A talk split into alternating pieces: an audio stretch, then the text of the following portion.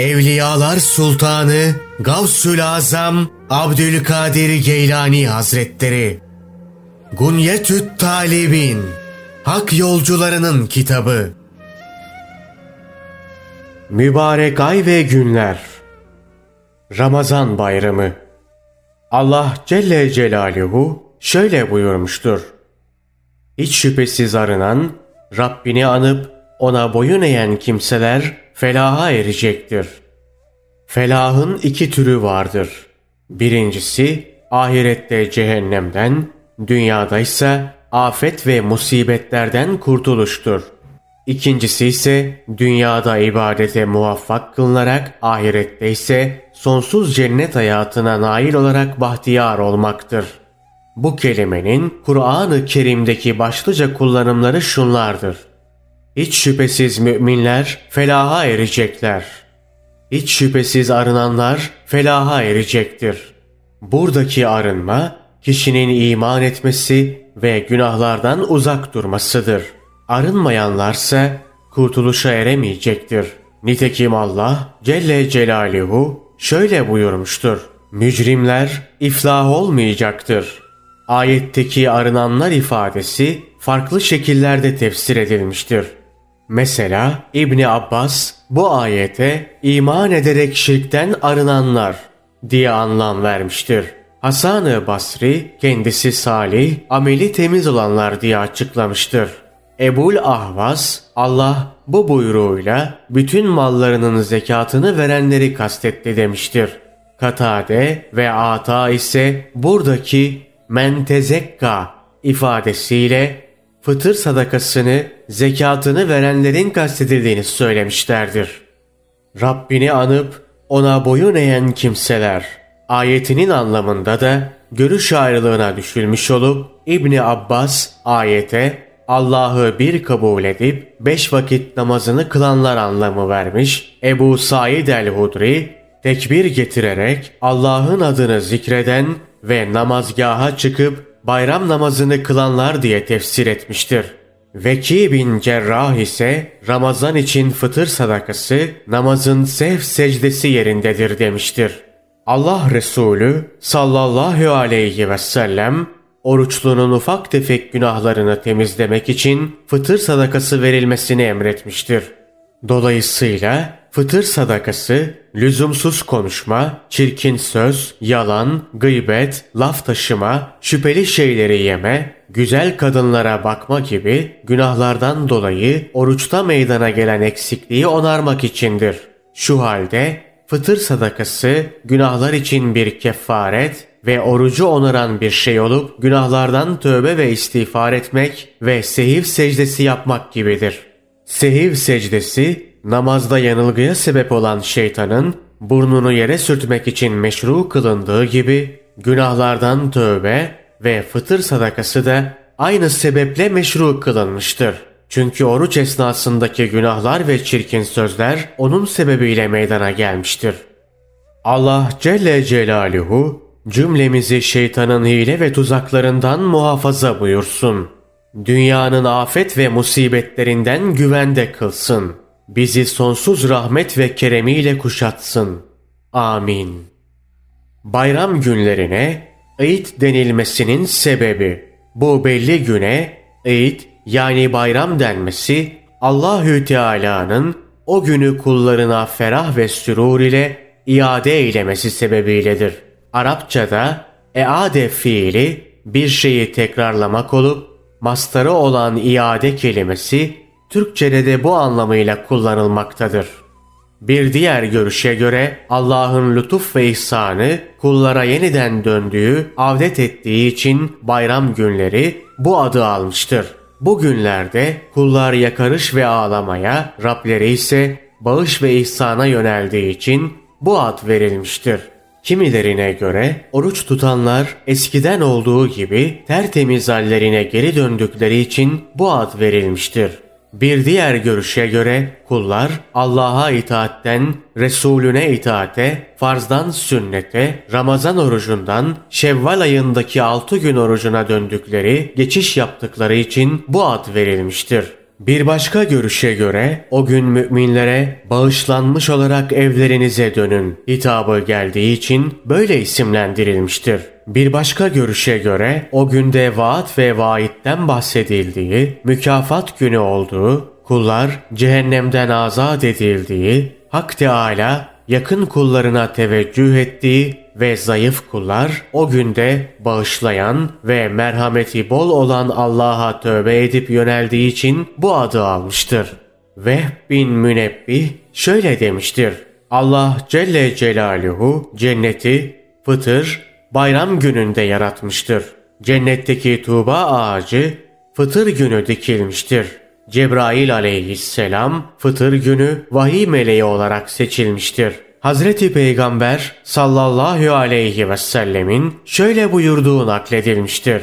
Bayram günü gelip insanlar namazgaha çıkınca Allah Celle Celaluhu onlara tecelli ederek kullarım benim için oruç tuttunuz. Benim için namaz kıldınız. Haydi artık bağışlanmış olarak evlerinize dönünüz. Enes bin Malik'ten Allah ondan razı olsun Hazreti Peygamber sallallahu aleyhi ve sellemin şöyle buyurduğu nakledilmiştir.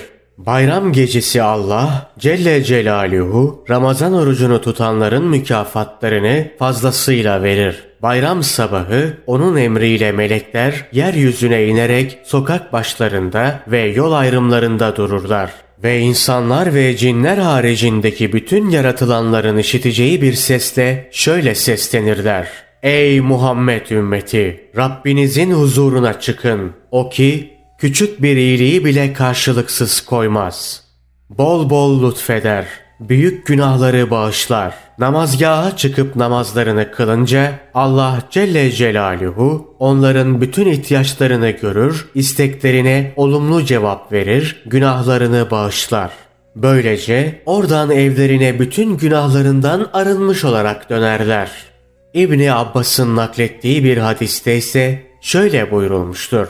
Bayram gecesine ödül gecesi adı verilir ve bayram sabahı olunca Allah Celle Celaluhu meleklerini dünyanın dört bir yanına gönderir. Melekler yeryüzüne inerek sokak başlarını tutarlar ve insanlar ve cinlerden başka bütün varlıkların duyacağı bir sesle Ey ümmeti Muhammed!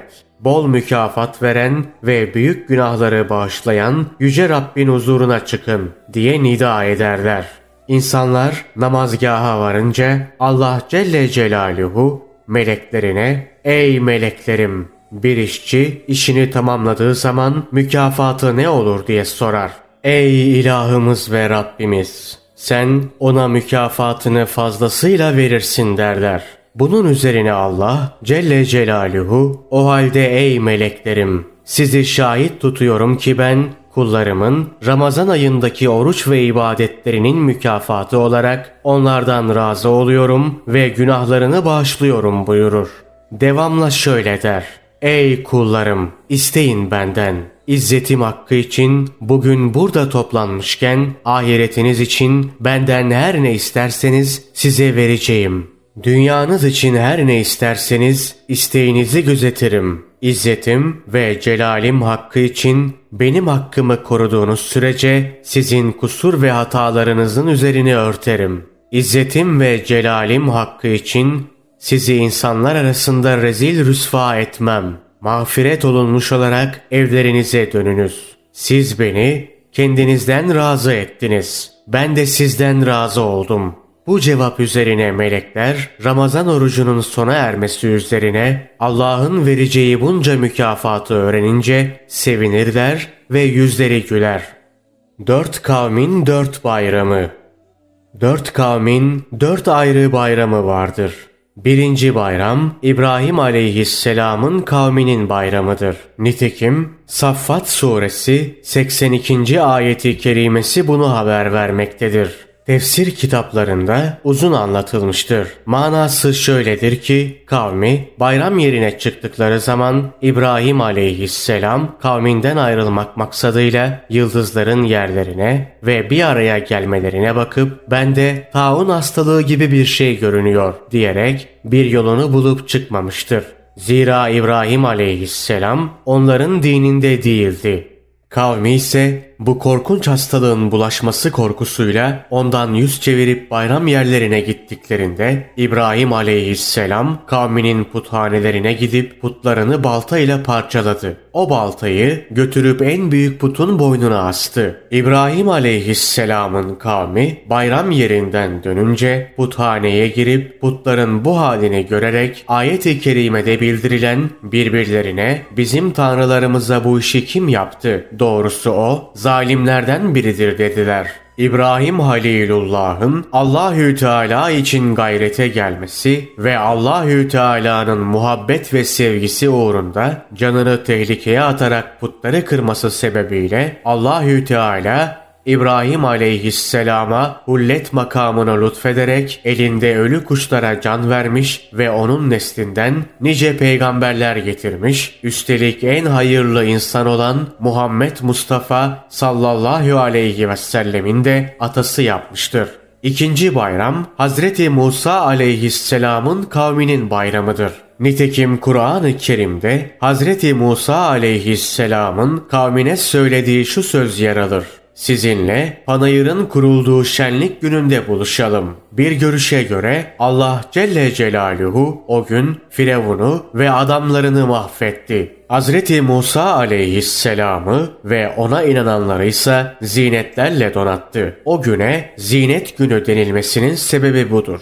O gün Firavun ve kavmiyle birlikte düelloya tam 72 veya 73 sihirbaz çıkmıştı ve yanlarında 600 bin sopa ve ip vardı. Sopaların ortasına civa koymuşlardı. İzleyicilerse sıcakta dizilmiş bekliyorlardı. Güneşin sıcağı artınca civa aktı ve iplere dolaşmış olan sopalar yürüdü. İnsanlar da onların yerde sürünen birer yılan olduklarını sandılar. Halbuki gerçekte sopalar hareket etmiyordu. Bu yüzden Musa aleyhisselamın içine korku düştü.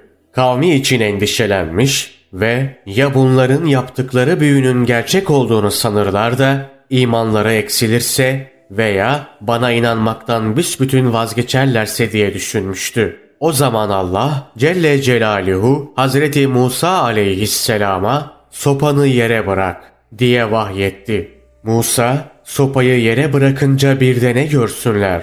Basbayağı yılan olan asa onların göz aldatıcı büyü malzemelerini yalayıp yutuyor. Hazreti Musa aleyhisselam sopasını yere bırakınca sopası deve gibi kocaman bir yılana dönüştü. Gözlerinden adeta ateş fışkırıyordu. Sihirbazların kendisiyle göz boyadıkları bütün sopaları bir bir yuttu. Ama ne karnı şişti ne hareketinde bir yavaşlama oldu ne de enine veya boyuna büyüdü. Bunun üzerine sihirbazlar hep birden secdeye kapandılar. Baş sihirbazın adı Şem'undu. Hep birazdan Musa ve Harun'un Rabbine inandık dediler. Sonra yılan Firavun'un askerlerinin ve kavminin üzerine yürüdü ve onlar büyük bir yenilgi aldılar. Nakledildiğine göre o gün orada 50 bin kişi öldü. Üçüncüsü Hazreti İsa aleyhisselamın ve kavminin bayramıdır. Şu ayette bundan bahsedilmektedir. Ey Allah'ım, ey Rabbimiz bize gökten bir sofra indir.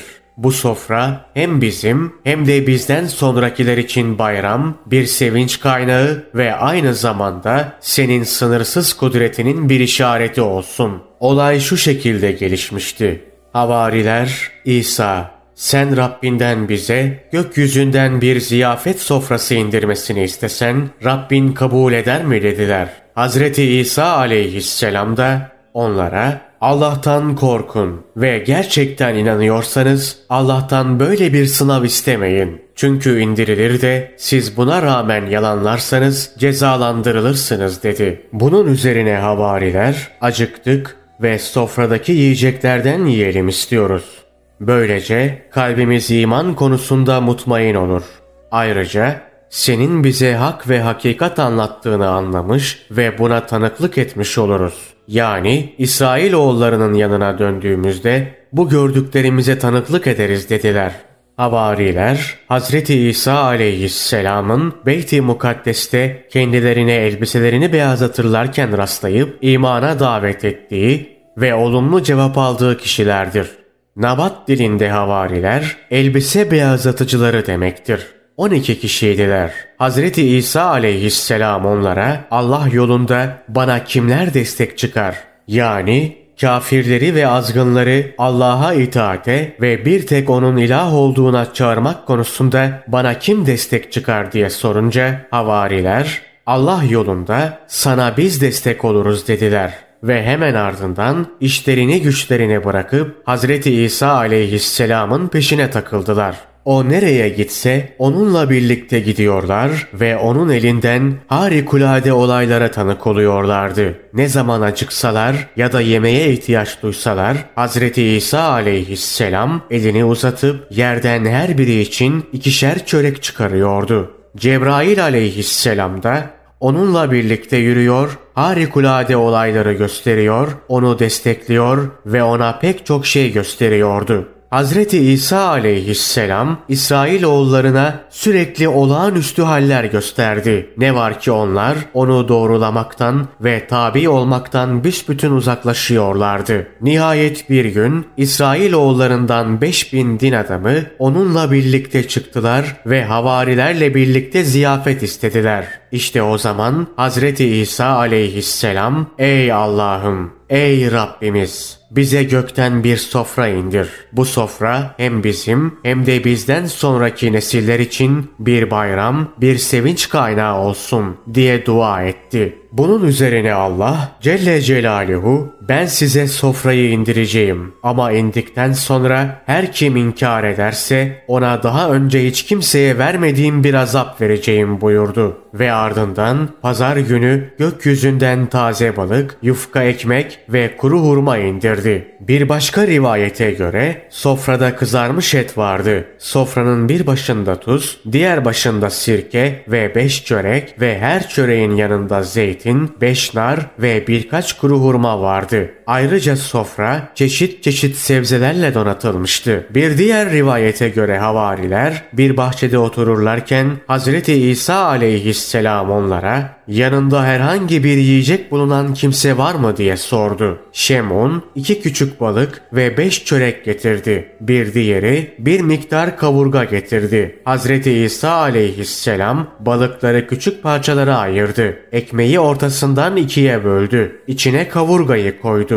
Sonra abdest alarak iki rekat namaz kıldı ve Rabbine dua etti. Allah Celle Celaluhu orada bulunan herkesi kısa bir süre uyuttu. Gözlerini açtıklarında yemek o kadar çoğalmıştı ki orada bulunan herkese yetti. Bunun üzerine Hazreti İsa aleyhisselam onlara sessizce besmele çekerek yiyin dedi ve halka halka oturmalarını emretti. 5000 kişilik bu grup oturdu ve doyuncaya kadar yediler. Bir başka nakle göre kadınlı erkekli yaklaşık 1800 kişiydiler. Kimileri aç ve fakirdi. Tek bir çöreğe hasret kılanları bile vardı. Hepsi doydu ve Rablerine hamd ettiler. Sofradan kalktıklarında sofradaki her şey olduğu gibi eksiksiz duruyordu. Sofra gözlerinin önünde gökyüzüne kaldırıldı. Nakledildiğine göre o sofradan yiyen bütün fakirler sonradan zengin olmuş ve ölünceye kadar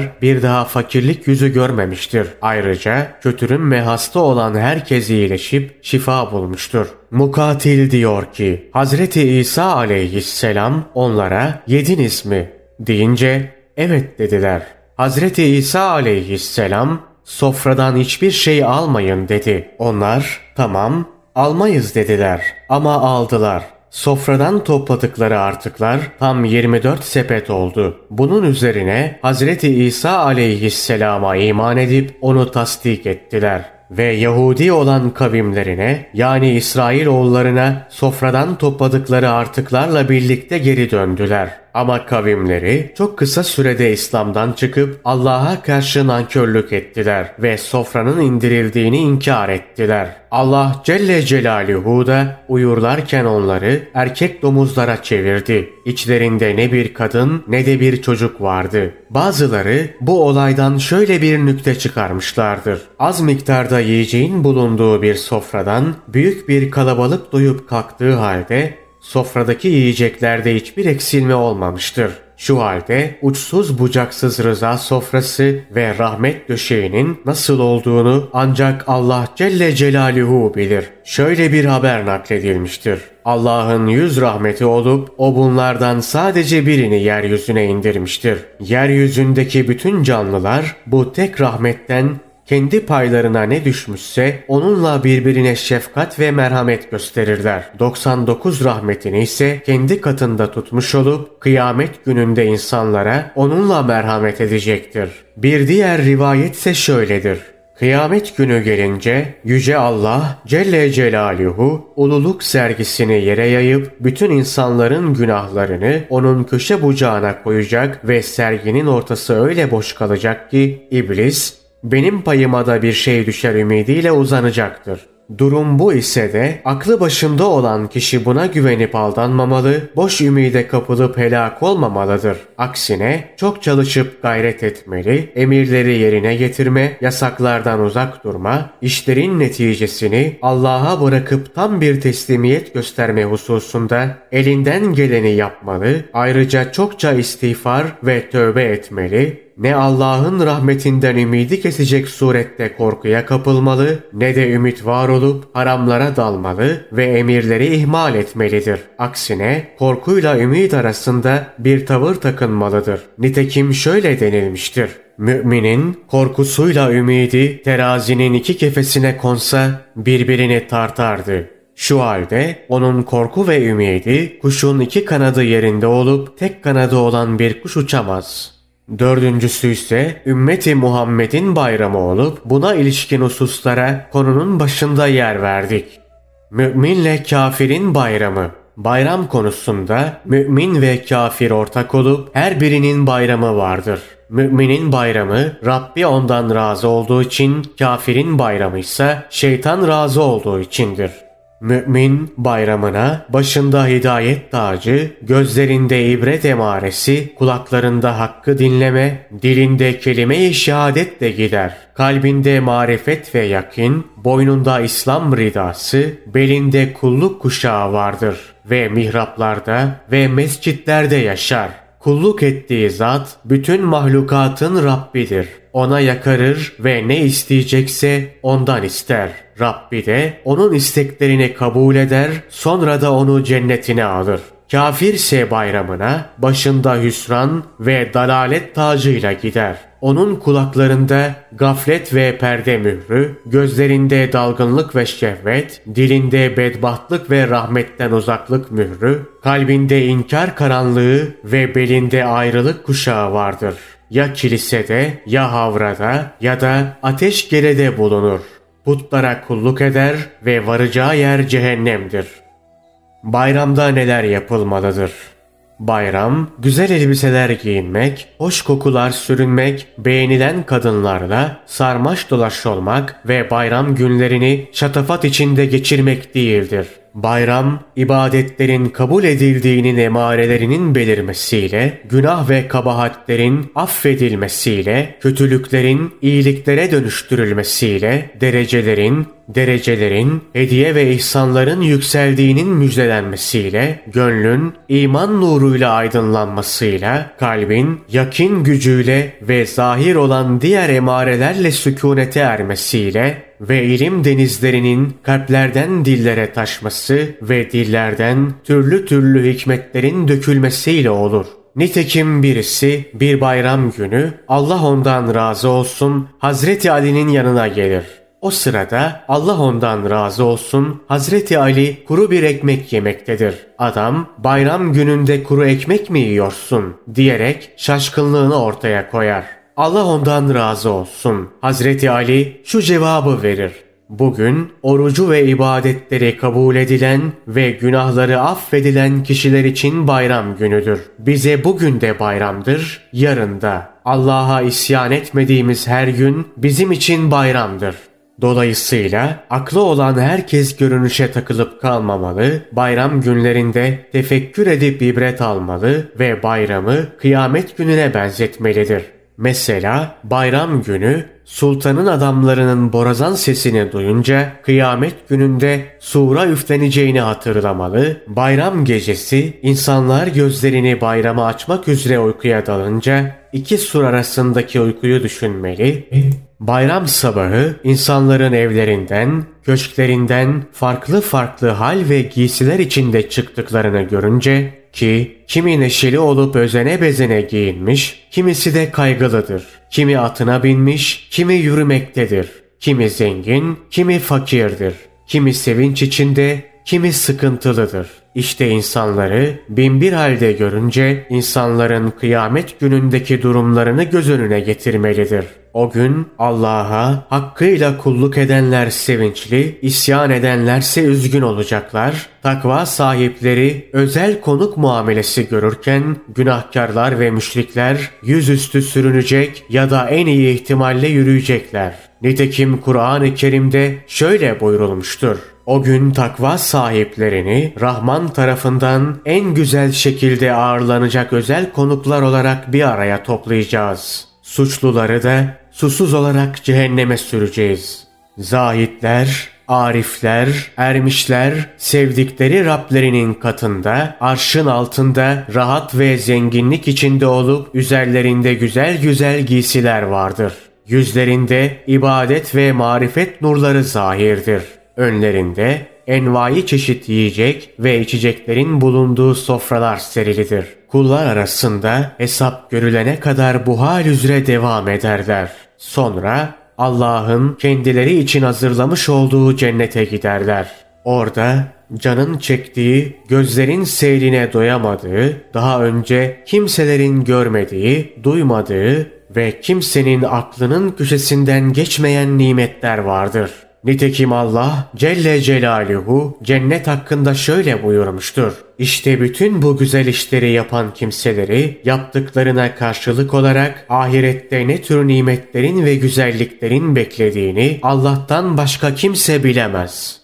Dünya düşkünleri ise daima ağlarlar, sıkıntı çekerler, dünyanın sefasını sürdükleri, haramı, helali birbirine kattıkları ve Rablerine ibadete başka amaçlar karıştırdıkları için cennet ehlinin mazhar olduğu nimetlerden yoksun kalırlar. Cennetteki yerlerini görürler ama üzerlerindeki hakları ödeyinceye kadar ona ulaşamazlar. Kafirlerin hali ise daha da beterdir. Onlar maruz kalacakları azabın, horlanacaklarının, helak olacaklarının ve sonsuza kadar cehennemde kalacaklarının farkına varıp hakikati gözleriyle görünce yazıklar olsun bana diye feryat ederler. Sonra bayram namazında bayrak ve sancakların açıldığını görünce kıyamet gününde Rahman adına duyuru yapan bir meleğin ellerinde sancaklar bulunan Müslümanları bütün insanlığın Rabbi olan Allah'ı ziyarete ve esenlik yurduna davet ettiğini hayal eder bayram namazı için safların tamamlandığını ve bütün Müslümanların saf saf toplandığını görünce bütün insanlığın cabbar olan Allah'ın huzurunda durduklarını, sırların ortalığa döküleceği kıyamet gününde iyilerin ve kötülerin sıra sıra dizildiklerini düşünür. Namaz bitip insanlar namazgahtan ayrılarak kimisi evine, kimisi mescide, kimisi de misafir kaldığı hana dönerken o insanların din gününün sahibi olan Allah'ın huzurundan ayrılarak kiminin cennete, kiminin cehenneme yöneldiklerini düşünür. Nitekim Allah Celle Celaluhu şöyle buyurmuştur. Kıyamet ve hesap günü gelip çattığı zaman evet işte o zaman müminlerle kafirler birbirinden ayrılacaklar. O gün gelip çattığında kimi insanlar cennete, kimi insanlar da cehenneme girecektir.''